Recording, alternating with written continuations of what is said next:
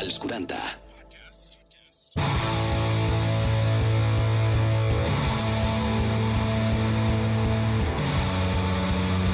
Molt bones, família, com esteu? Energia sexual. Benvinguts una setmana Amor més aquí a. Energia Sexual, el podcast de sexe dels 40, on cada setmana descobrim noves temàtiques, tenim els nostres col·laboradors i col·laboradores i parlem obertament i sense tabús de sexe. Jo sóc l'Uri Mora i en res donarem pas a la Maria López, a la Sandra Sagarra amb el seu Obre les Portes, també a la Marta Galobardes amb la màgia de la ràdio, la Xènia Roset amb els seus sextols i també amb els amics de Sexy Dream, els nostres patrocinadors que trobaràs a la seva botiga virtual a través de sexydream.es. A nosaltres ens pots trobar, ja saps, com cada setmana aquests nous capítols que traiem a través de Spotify, Apple Music, iVox, també a través dels 40.cat i per qualsevol cosa, connecta amb nosaltres a través de arroba energia guió, guió baix sexual. Dit això, vinga va, endinsem-nos en el meravellós món del sexe. Benvinguts, benvingudes!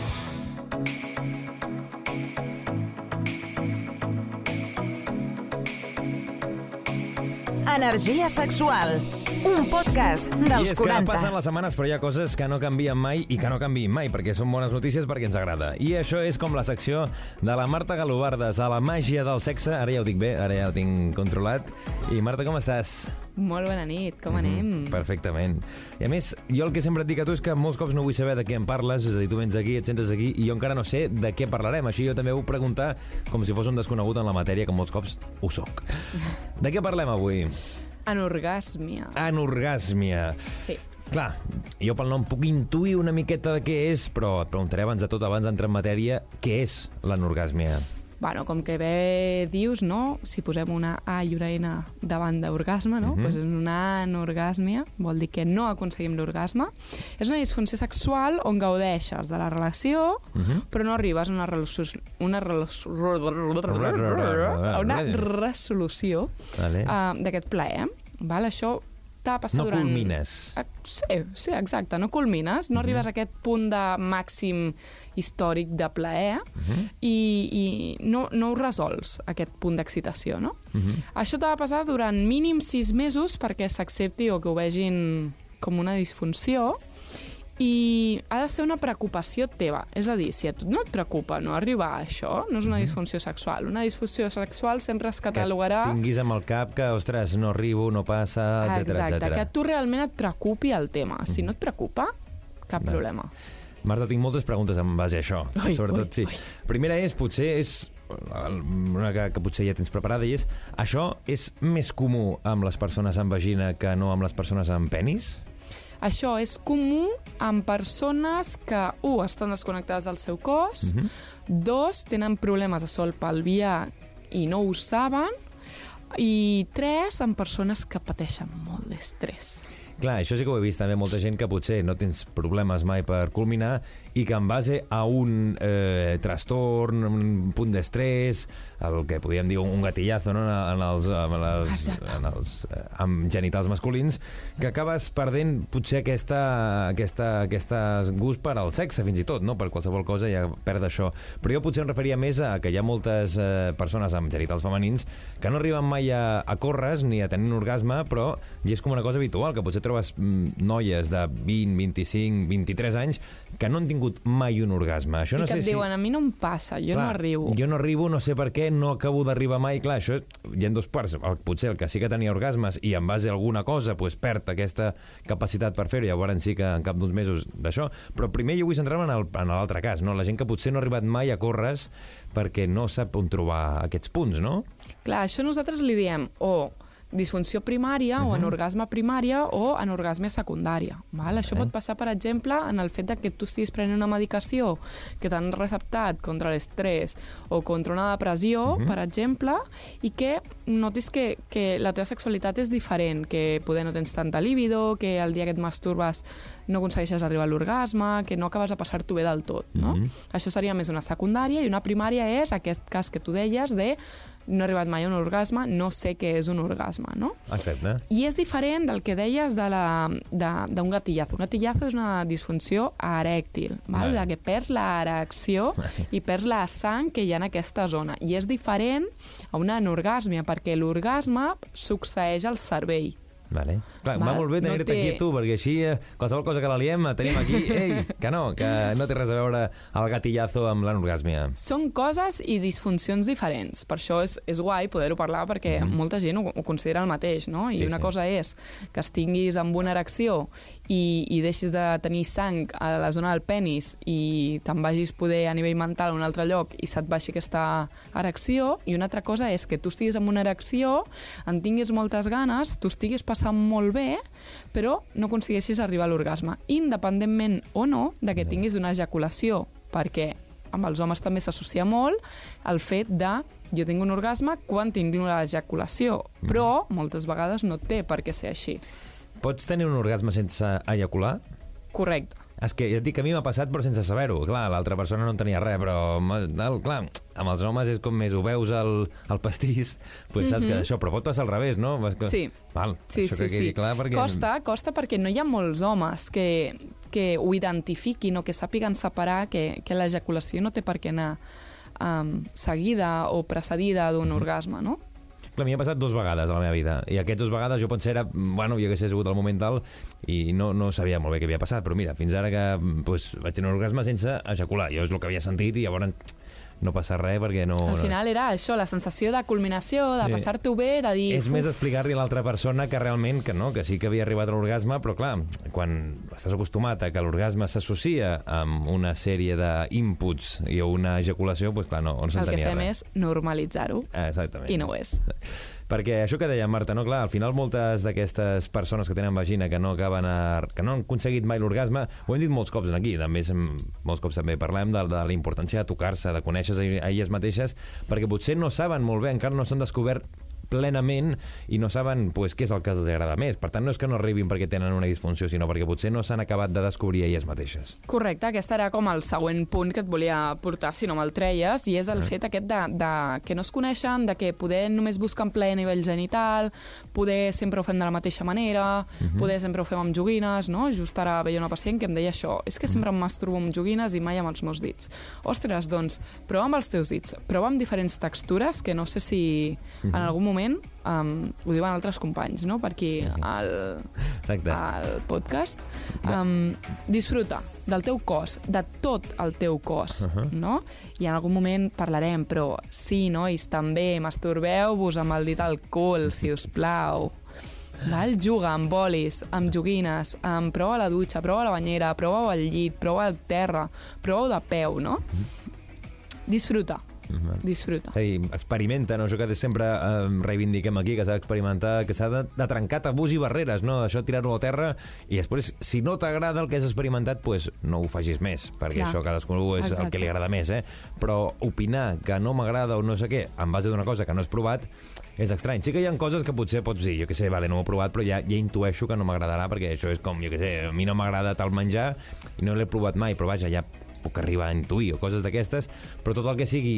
M'he ficat en un embolic que no sé ni on estic. Però vaja, tot el que sigui això, que experimenteu i que eh, trenqueu aquestes barreres que, que us oprimeixen. Sí, no? obriu la ment, no? Exacte. Em, Passeu-vos-ho molt bé. Exacte. I, I tornant una miqueta al tema que ens porta, no? que és l'anorgàsmia, um, el que és important és que si et passa, sàpigues que, un, ni ets la primera persona ni la última que li passa, Mhm. i dos, que poder és algo solucionable, no?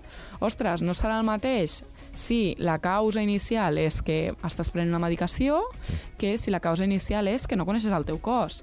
És molt més senzill, per exemple, si, cone si no coneixes el teu cos, Exacte. conèixer-te i demanar ajuda perquè t'ensenyin a masturbar-te d'una altra manera o et donguin idees, que si estàs prenent una medicació que has de prendre sí o sí perquè, jo sé, tens algun tipus de malaltia o alguna disfunció que necessites ser tractada amb això, no? Hem parlat de l'anorgasme, això que dèiem, eh, primària o secundària, ara no sé molt bé quina era la primera i quina era la secundària, Mhm. però anem a parlar de l'altra, no? Potser això de la gent que sí que ha tingut orgasmes tota la vida i que d'un dia per l'altre, o d'un moment a l'altre, pues deixen de tenir-lo, que segurament la gran majoria és, per el que deies, no? aspectes de la vida, eh, estrès, eh, canvis de, de, de coses que han passat a la seva vida, però no sé si hi ha altres factors que poden influir en que la gent eh, deixi de tenir orgasmes. Clar, per exemple, l'estrès és com molt, molt, molt, molt important i l'ansietat és molt, molt, molt important, sobretot perquè en algun moment poder les mediquen. Exacte. I dos, perquè si estàs corrent per la teva vida, que és el que és l'estrès, sí? estàs en un estat de, de perill constant del teu cos, està activat un dels sistemes del cos que el que fa és que no et permeti relaxar-te. Si tu no et permets relaxar, el sistema que fa o que allibera l'orgasme no es desencadena. Mhm. Val? Llavors, és molt, molt important que intentem estar relaxadets. O, quan estem superestressats, on està la nostra concentració?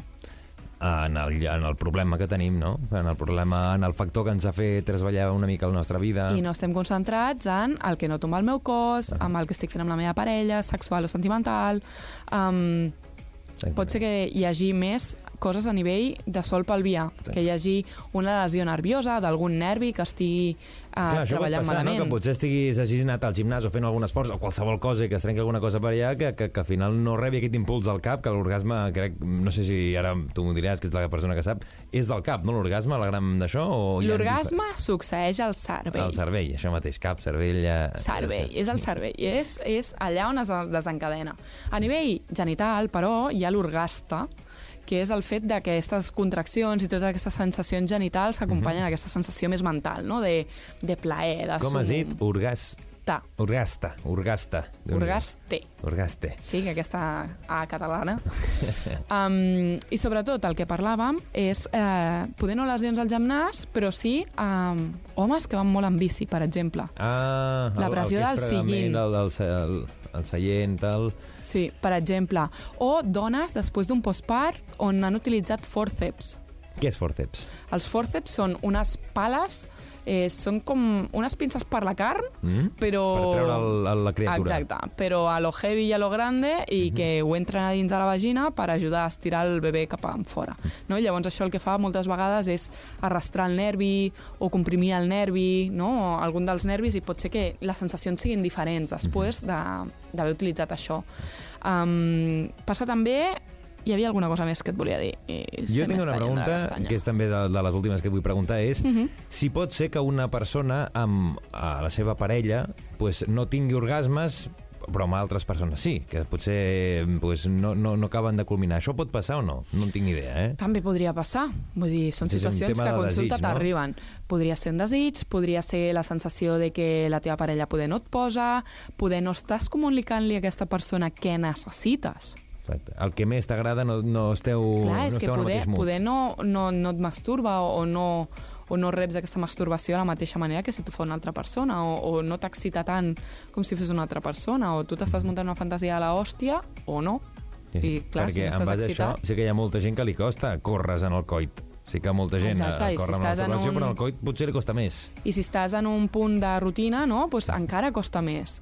I ara que s'ha introduït això, no hi ha dos tipus d'orgasmes. I això no ho havia escoltat mai. Quins dos tipus et parla de la No gent? és... Jo sóc genital. Ah, no, Ai, clar, Jo sóc no. clitoriana Clitoriana o o jo sóc vaginal? No, això sí que no. existe, No, vale? sí per, si, per si encara seguim Pels aquí. que s'han perdut capítols i tal, ho anem dient aquí. Eh? Cada, si cal, cada programa ho diem que no existeix ni clitoriana, ni vaginal, ni, ni això. Que és, i, ni, exacte. I després també, no sé en qui ho parlàvem, de, del tipus de polles, no? Si hi ha el de carn i de sang, però Ah, això exacte. també és un altre tema que ja, ja hi entrarem. I l'últim que et volia dir A és veure. el, el fet de... Tu has tret mai una cadira a algú quan se va seure?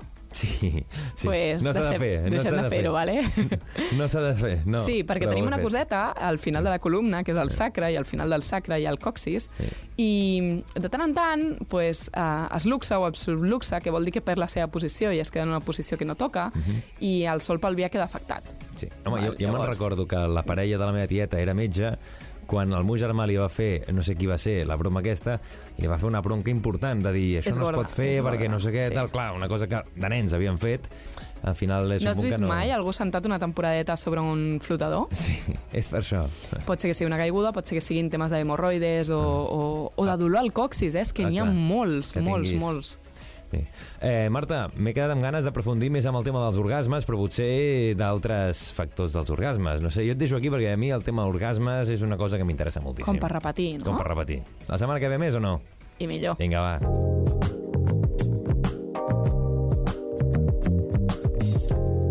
I ara és el Energia moment sexual. de parlar amb els amics de Sexy Dream, la teva botiga virtual sexydream.es, on cada setmana es portaran un producte, un objecte del qual analitzarem i parlarem. I tenim com cada setmana aquí el Guillem Riera. Guillem, com estàs? Molt bones, què tal, com esteu? Aquí, encantat d'estar. I parlar de joguines és unes coses que, que a la gent també li agrada moltíssim, no? Descobrir aquest món, aquestes joguines que tenim preparades. I escolta'm, uh, què ens portes avui?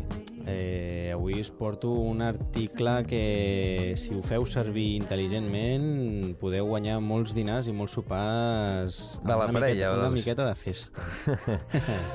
Què estem parlant? Què és? És un objecte per elles, per ells, per gent amb vagina, gent amb... eh, Estem parlant per les noies. Per les noies, gent Però amb, amb vagines o el persones pot- amb vagines. Sempre es pot parlar també de que la persona amb la qual estiguis, o si ho pots, ho pots utilitzar tant, tant amb la persona que vulguis o a soles, però jo ho recomano sempre Amb parelles. en parella. I de què es tracta, ja per acabar la intriga? Doncs bueno, doncs és un Satisfyer eh, que est, eh, el tenim aquí amb, amb destacat perquè el que tenim és una aplicació mòbil que tu te la descarregues i des del mòbil doncs, pots jugar amb tot tipus de vibracions, de, de programes que ja tenen, tenen el mateix programa... No? Clar, i això ho he vist molt, potser amb, amb la típica, típic mm, jo sé, eh, objecte que tu introdueixes a la vagina i en base a una altra aplicació això vibra.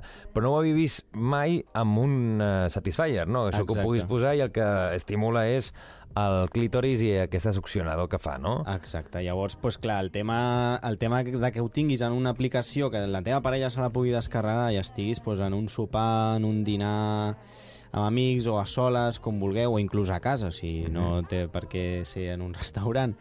Però el bo que té això és que pots tindre un control remot eh, amb aquesta aplicació i inclús pots fer la teva propa, pròpia playlist.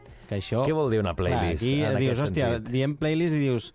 Què és M'estic que imaginant és- cançons, Spotify, que sí, no, el The no, Weeknd, no. que sí, la Dua Lipa, res a veure. Res de res, res de res. El tema de la playlist és que tu, per exemple, amb aquesta aplicació et pots dissenyar les teves, les teves vibracions Uh -huh.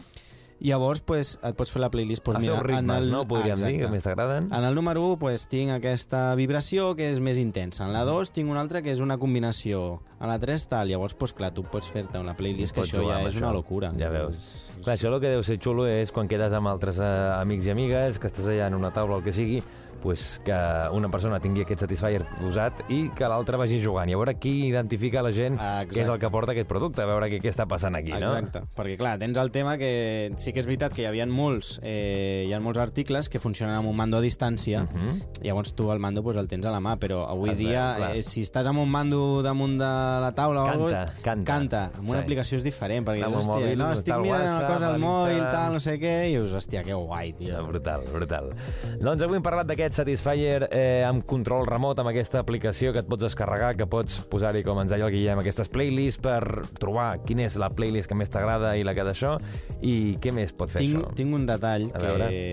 això és una miqueta bomba, però té un videochat. Què vol dir un videochat? Què vol dir això? Que Bueno, un videochat entenc que és un vídeo que pots estar fent al moment que estàs exacte, utilitzant-lo, no? Exacte, exacte. Això, pues, eh, si tu, per exemple, estàs eh, lluny de la teva parella, pues, clar, amb l'aplicació pots, ho, po, ho, ho pots anar programant com tu vulguis, però és que el bo d'aquesta aplicació és que pots veure la teva parella. En el moment que... En el moment, llavors Brutal. això ja és una bomba. Brutal, em sembla brutal aquest producte que ens ha portat avui la gent de Sexy Dream, sexydream.es, la teva botiga virtual, i a més aquí uns bons amics de camí. I Guillem, la setmana que ve més. De fet, jo cada setmana vull que em portis un article, que me'l destaquis, que Cada l'analitzem setmana així. tenim una sorpreseta nova. Exactament. I a veure si algun dia em porteu algun regalet aquí. que Això, també... això ho, ho tinc firmat ja per contracte. Exacte. Fins la propera setmana, Guillem. Adeu. Energia sexual. Ens trobaràs a Spotify, Apple Music o iVoox. Seguim aquí a Energia Sexual. Tenim ara el moment de saludar amb molta alegria, amb una riallada ben forta, a la Xènia Roset. Com estàs? Què tal, Uri? No vinc plorant, eh? No, No, no vinc plorant, però bé. És que, mm, clar, Ara la, en parlarem. la setmana passada vam parlar del sexe amb humor o de l'humor Sí. amb el sexe tal, i aquesta Fer setmana... l'amor amb humor. Fer l'amor amb humor. I aquesta setmana va una miqueta també relacionat en el punt de, del, del plaer des de la... Ara no m'explicaràs molt bé, però de què parlem ara? Plorar de plaer o disfòria postcoital. T'ha passat alguna vegada que després de fer el polvo de la teva vida o després d'una palla o d'un orgasme has tingut una explosió emocional i fisiològica involuntària? Tant com per plorar, no. És a dir, no he arribat No? a plorar, No però... has arribat? No, no però Per sí tant- que m'ha passat que ho he viscut. Vull dir, no m'ha passat a mi, però sí que l'he passat a una altra persona. I aquesta altra persona ha arribat a l'orgasme expandit o no? Què, què vol dir, eh? Això és un altre tema. Vale. Vale? El deixem també obert per un altre, per un altre dia, vale? en parlarem més endavant. Però l'orgasme de vegades no és suficient, Uri, per alliberar tota l'excitació i la tensió que tenim acumulada. Mm. -hmm. Pels homes potser és més fàcil perquè és un flash i pum i a la corrida, no? Però les noies són més complicades, són més intenses, són més complertes. Mhm. Ara se'n tiraran a sobre tots els homes del programa o les dones que diran, però què diu aquesta, què diu? Sempre us he dit que Sex Talks jo parlo des de la vessant personal, subjectiva, et dono la meva opinió i no sempre serà l'opinió que tingueu I vosaltres. si voleu dir la vostra opinió, Oh, per favor. 686 922 355. i ja està.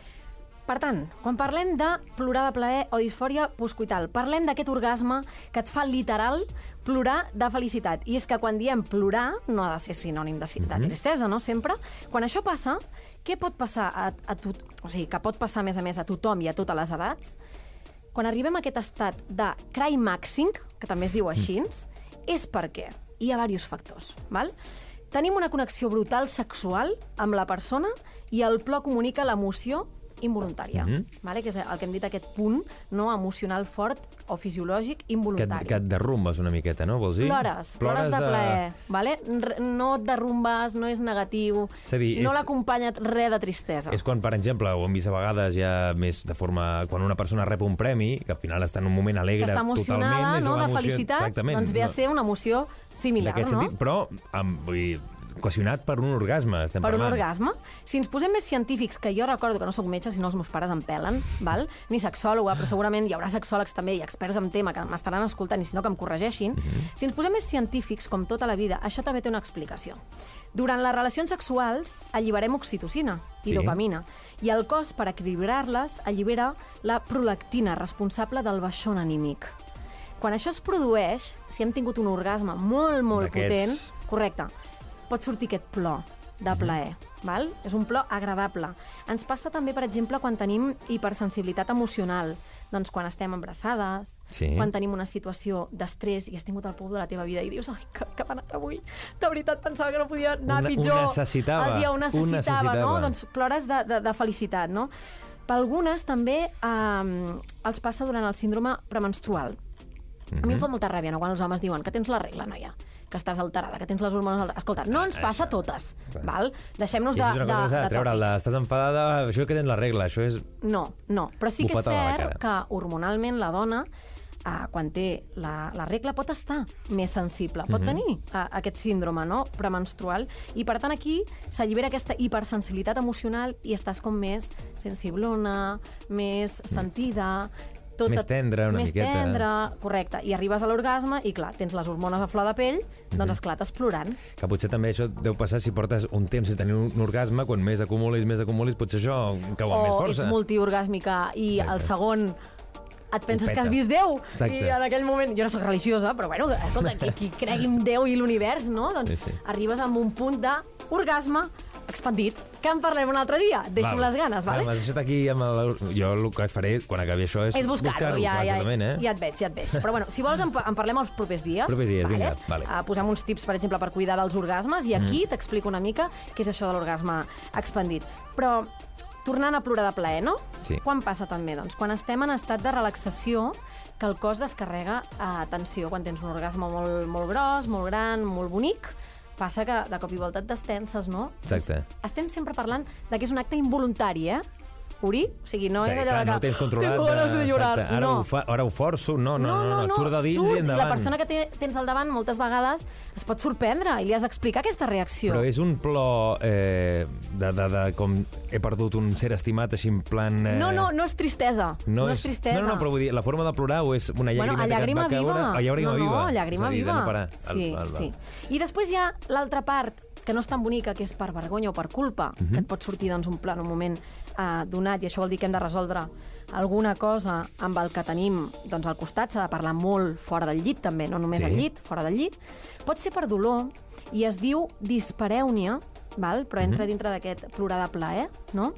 Uh, el sexe no ha de fer mal, a no ser que sigui consentit, ja n'hem parlat. Mm, això ho hem parlat amb la clar. Marta, que si el sexe dona, fa mal, és que estem fent alguna cosa malament. A no sé Malament. que ens agradi el dolor, no, però si està fent mal és que alguna cosa no va bé. No Això s'ha de ficar en mans d'un especialista que et digui per què està fent mal quan no hauria de fer mal. Correcte.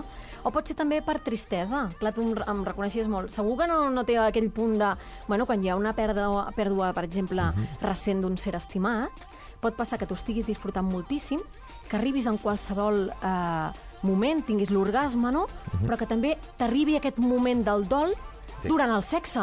Has tingut un orgasme de puta mare i de cop i volta et poses a plorar. Hòstia, però per què plores? Hòstia, mira, és que just sortit ara ha sortit. I això és també molta gent que, quan ara està, també que es parla molt i, i es parla més i que s'hauria de parlar més del tema de la salut mental, no? que molta gent potser no explica coses que li passen Clar. perquè no ho treu tot i que es queda molt dins seu i que molts cops tota aquesta cosa que li està passant a una persona per dins acaba sortint en el moment més, eh, més Surrealista, relaxat, més d'això, perquè que és quan dius, tens un "Ostres, orgasme, sí, sí, perquè disfrutat, ho alliberes tot, et quedes molt més tranquil i en aquell moment pues, et surt tot el que tenies dins que tu tenies allà amagat perquè no volies treure per el que fos Hmm. i et surt en aquell moment. Correcte, per això és important eh, que si plorem de l'orgasme per satisfacció, per plaer, per connexió, és normal. En cas que sigui donat per qualsevol de les últimes opcions que hem repassat, doncs sempre hi ha professionals que ens poden ajudar i, per tant, escolta, alguns els dona per riure també, sense parar, ja ho Sí. hem parlat, no? Amor amb humor, però aquest ja seria un altre tema i, per tant, fem l'amor amb humor, que és molt sa, plorem de plaer, que també ho és, Supersa. i orgasmem molt. Això mateix.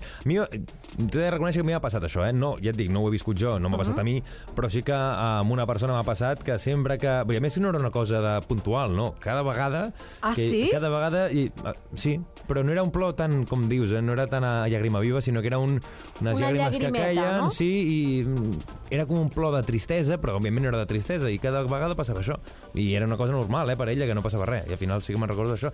En principi. Estic segura Que que, si cosa. sí, i que si parlessis amb aquesta noia, a dia d'avui ha passat molt temps? Sí, han passat uns anys. Molts anys, no? Doncs aquesta noia probablement això s'ho ha fet mirar, perquè no és normal. Mhm. Si és de tristesa, ojo, has de veure quin és el- l'efecte que fa que tu tinguis no? aquesta reacció jo, jo crec que era, no era tant de tristesa, sinó que era una cosa que sortia i potser per la vergonya, el que sigui, era una mica més amagar-se, un d'això, un treure d'aquesta forma. Va, averigua, Uri, ens crec. expliques al proper programa, sisplau. No va acabar la cosa gaire bé, per tant, serà complicat. Ui, complicat. Però, però... Bé, si ens sents, escriu-nos per xarxes socials. Exactament. Eh, pues, Xènia, això com has dit, a tu sí que s'ha passat vegades, no sé si vegades o algun cop que t'ha passat i has dit, ostres, Mm, No passa habitualment. No passa habitualment. Eh, gràcies a Déu, perquè al final tampoc és agradable, no? Però sí que ha passat en moments puntuals. Mm. Eh, jo fa molts anys que disfruto el llit. I, i sí que quan m'ha passat ha anat molt lligat a l'orgasme expandit. Així que... queda pendent, eh? Queda pendent, queda aquí pendent. la llavor sí. de la- de l'orgasme expandit. Però sempre de felicitat, eh? Sí. O sigui, he plorat de felicitat. Sí, de, de passar-ho bé i de deixar-ho tot anar i de dir, pues ja està, ho deixo tot aquí. Xènia, la setmana que ve més. Molt bé, doncs fins la setmana vinent. Adéu. Adéu. Segueix-nos a Instagram, arroba energia sexual. Vinga, cap amunt! És que arriba la secció de la Maria López, de la Sandra Sagarra i el seu Obre les portes. Com esteu? Hola, molt bé. Mhm. M'ha encantat perquè m'ha encantat la frase abans de començar, també, que ha dit l'Uri a la Sandra. Això ho escolta la teva àvia? Exacte. Això ho escolta el teu, jo no. Ja Home, crec que no ho escolta la meva àvia, però àvia, si m'escoltes, un petó t'estimo molt, gràcies pels tàpers. Exactament. Àvies del món, escolteu energia sexual. De fet, hauríem de fer un programa que fos uh, el, la intrahistòria del que parlem aquí quan obrim micros, perquè abans hi ha una estoneta que estem a veure què parlem i què no, i això si obríssim micros i estigués en directe, podríem fer un altre podcast completament diferent. Però no ho que- farem. No ho farem. Podcast de salseo, salseito... Ai. Cada setmana ens porteu aquí, doncs, experiències que la gent ens ens envia a través de les nostres xarxes socials, el nostre Instagram, que és arroba els 40, eh, els 40 o arroba energia barra baixa sexual, i també a través del nostre WhatsApp. WhatsApp 686 922 Ho 355. repeteixo que quedi ben clar, eh? WhatsApp 686 922 355. Cada setmana, a la meitat més o menys, pues, expliquem de quina serà la pròxima temàtica que parlarem. I l'altre dia vam parlar, ho vau explicar a través de l'Instagram, que avui quina és la temàtica de parlar? La temàtica d'avui és... Eh, volem saber si la gent s'ha liat o ha tingut rotlletes amb els seus companys, companyes de pis.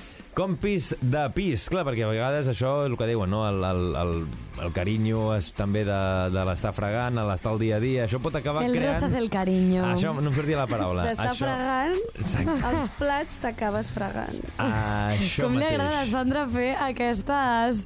inventar-se aquestes grans expressions, eh? Farem, paraules.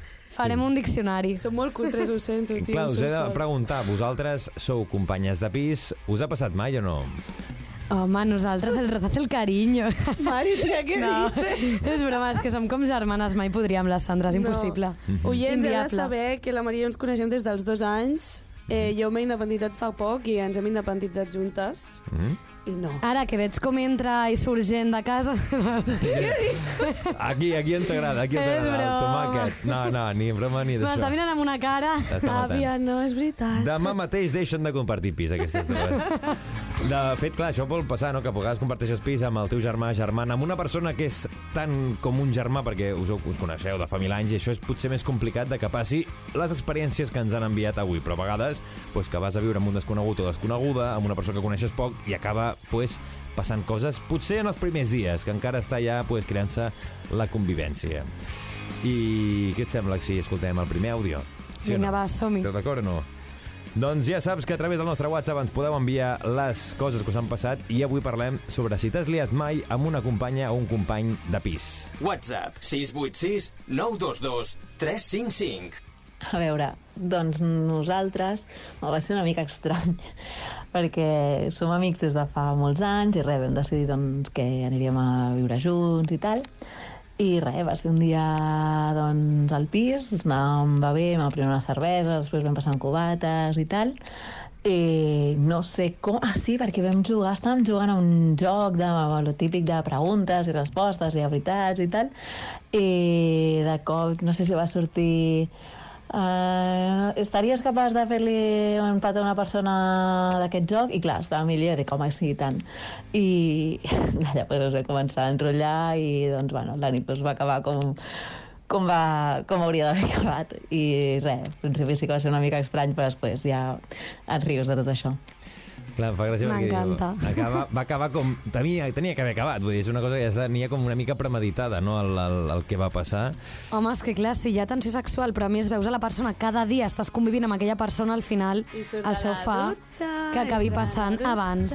Hi coses- Clar. hi Això és com a l'Erasmus. La gent que ha estat d'Erasmus també ho entendrà. Mhm. Quan tens atracció sexual per algú i estàs convivint constantment, encara que no estiguis vivint en el mateix pis, doncs per això als Erasmus passen aquestes coses i tothom acaba liat amb tothom.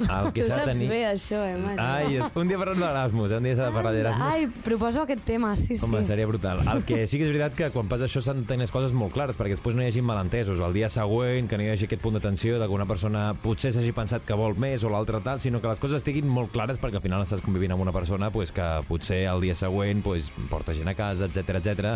I s'ha de tenir molt clar això, eh? Vull dir, no, no s'ha de... Si es tenen les dues coses clares que- per part de les dues parts, és perfecte, dos o tres parts, perquè potser aquí s'han liat aquí tots els del pis, que això també podria ser. Pot passar. No hem rebut cap, eh? No hem rebut cap que ens expliqués que van fer un, un sexe grupal entre tots els grups, totes les persones no. d'això, però hagués sigut interessant. Però clar, en aquest cas eh, diu la noia que eren amics de tota la vida, no? També és diferent Sí. que si potser entres a un pis i coneixes a una persona i... És com conèixer una clar. persona d'una discoteca o el que sigui. Sí, és, sí. És Torno a diferent. lo meu de sempre, comunicació. Ah, és això que és és facilíssim. És, di- bueno, no és facilíssim, és dificilíssim. Però, Però és s'ha de fer és a important. saco. Sí, sí. Molt, molt, molt necessari. Mm. I jo d'aquí també volia comentar el tema de els jocs, els jocs de veure i els jocs sexuals. Això dona per molt. O sigui, aquí hi ha salseos, però, vamos, a gas a tots els grups de Això és col·legues. facilíssim. Mític Jo Mai Mai, que al principi dius, uf, ja, quin pal, no estic col·legues, en no el mood i al final... mola molt quan, quan coneixes a la gent a mitges, que sempre et sorprèn alguna cosa, després el joc de la moneda, cosetes. Quin és el joc de la moneda? El joc de la moneda és el meu preferit, eh? Sí, a veure, Explica'l així tu, ràpid, Sandra. així pim-pam? És un joc que una persona té una moneda, li fa una pregunta a l'orella a la persona del, que té al costat Mhm. i eh, aquesta persona ha de respondre. Jo et pregunto, Uri, eh, quina és la persona que et posa més d'aquest cercle? Tu li dones la moneda i aquesta persona ha de tirar cara o creu. Si Si, surt- surt cara, Ah. es diu la pregunta en veu alta. I si, Si, es no, si surt creu, No el sabia. Mai es sembla, sabrà. Em sembla brutal. De fet, una bona cosa... sempre cara. Una cosa bona dels companys de pis és que teniu lloc on, on anar. Podeu anar a l'habitació d'un o a l'habitació de l'altre. Vull dir, aquí no hi ha mai Uf, problema. sí, eh, però... Això, Jo crec que al final O en el t'acabes llit, mudant, O eh? en el sofà, exactament. tenim més àudios, tenim més àudios que la gent ens ha enviat a través del nostre WhatsApp. WhatsApp 686 922 355. Jo vaig tenir el gran error de liar-me i estar amb la meva companya de pis. Al principi ni ens agradàvem, però un dia li vaig dir si podia dormir amb ella que no tenia nòrdic. Eh, a partir d'aquest gran error vam estar 3 anys juntes vivint i dormint juntes cada dia amb una dependència impressionant fins que va decidir la molt guapa eh, enganyar-me amb una amiga meva, eh, em va mentir i es va liar molt grossa. Jo li vaig demanar que marxés del pis i la tia no es va moure del pis i vaig haver de marxar jo. Així que no us lieu amb la vostra companya de pis perquè et quedes sense amiga, sense parella, sense pis que portaves 3 anys i sense gat perquè en compartíem un.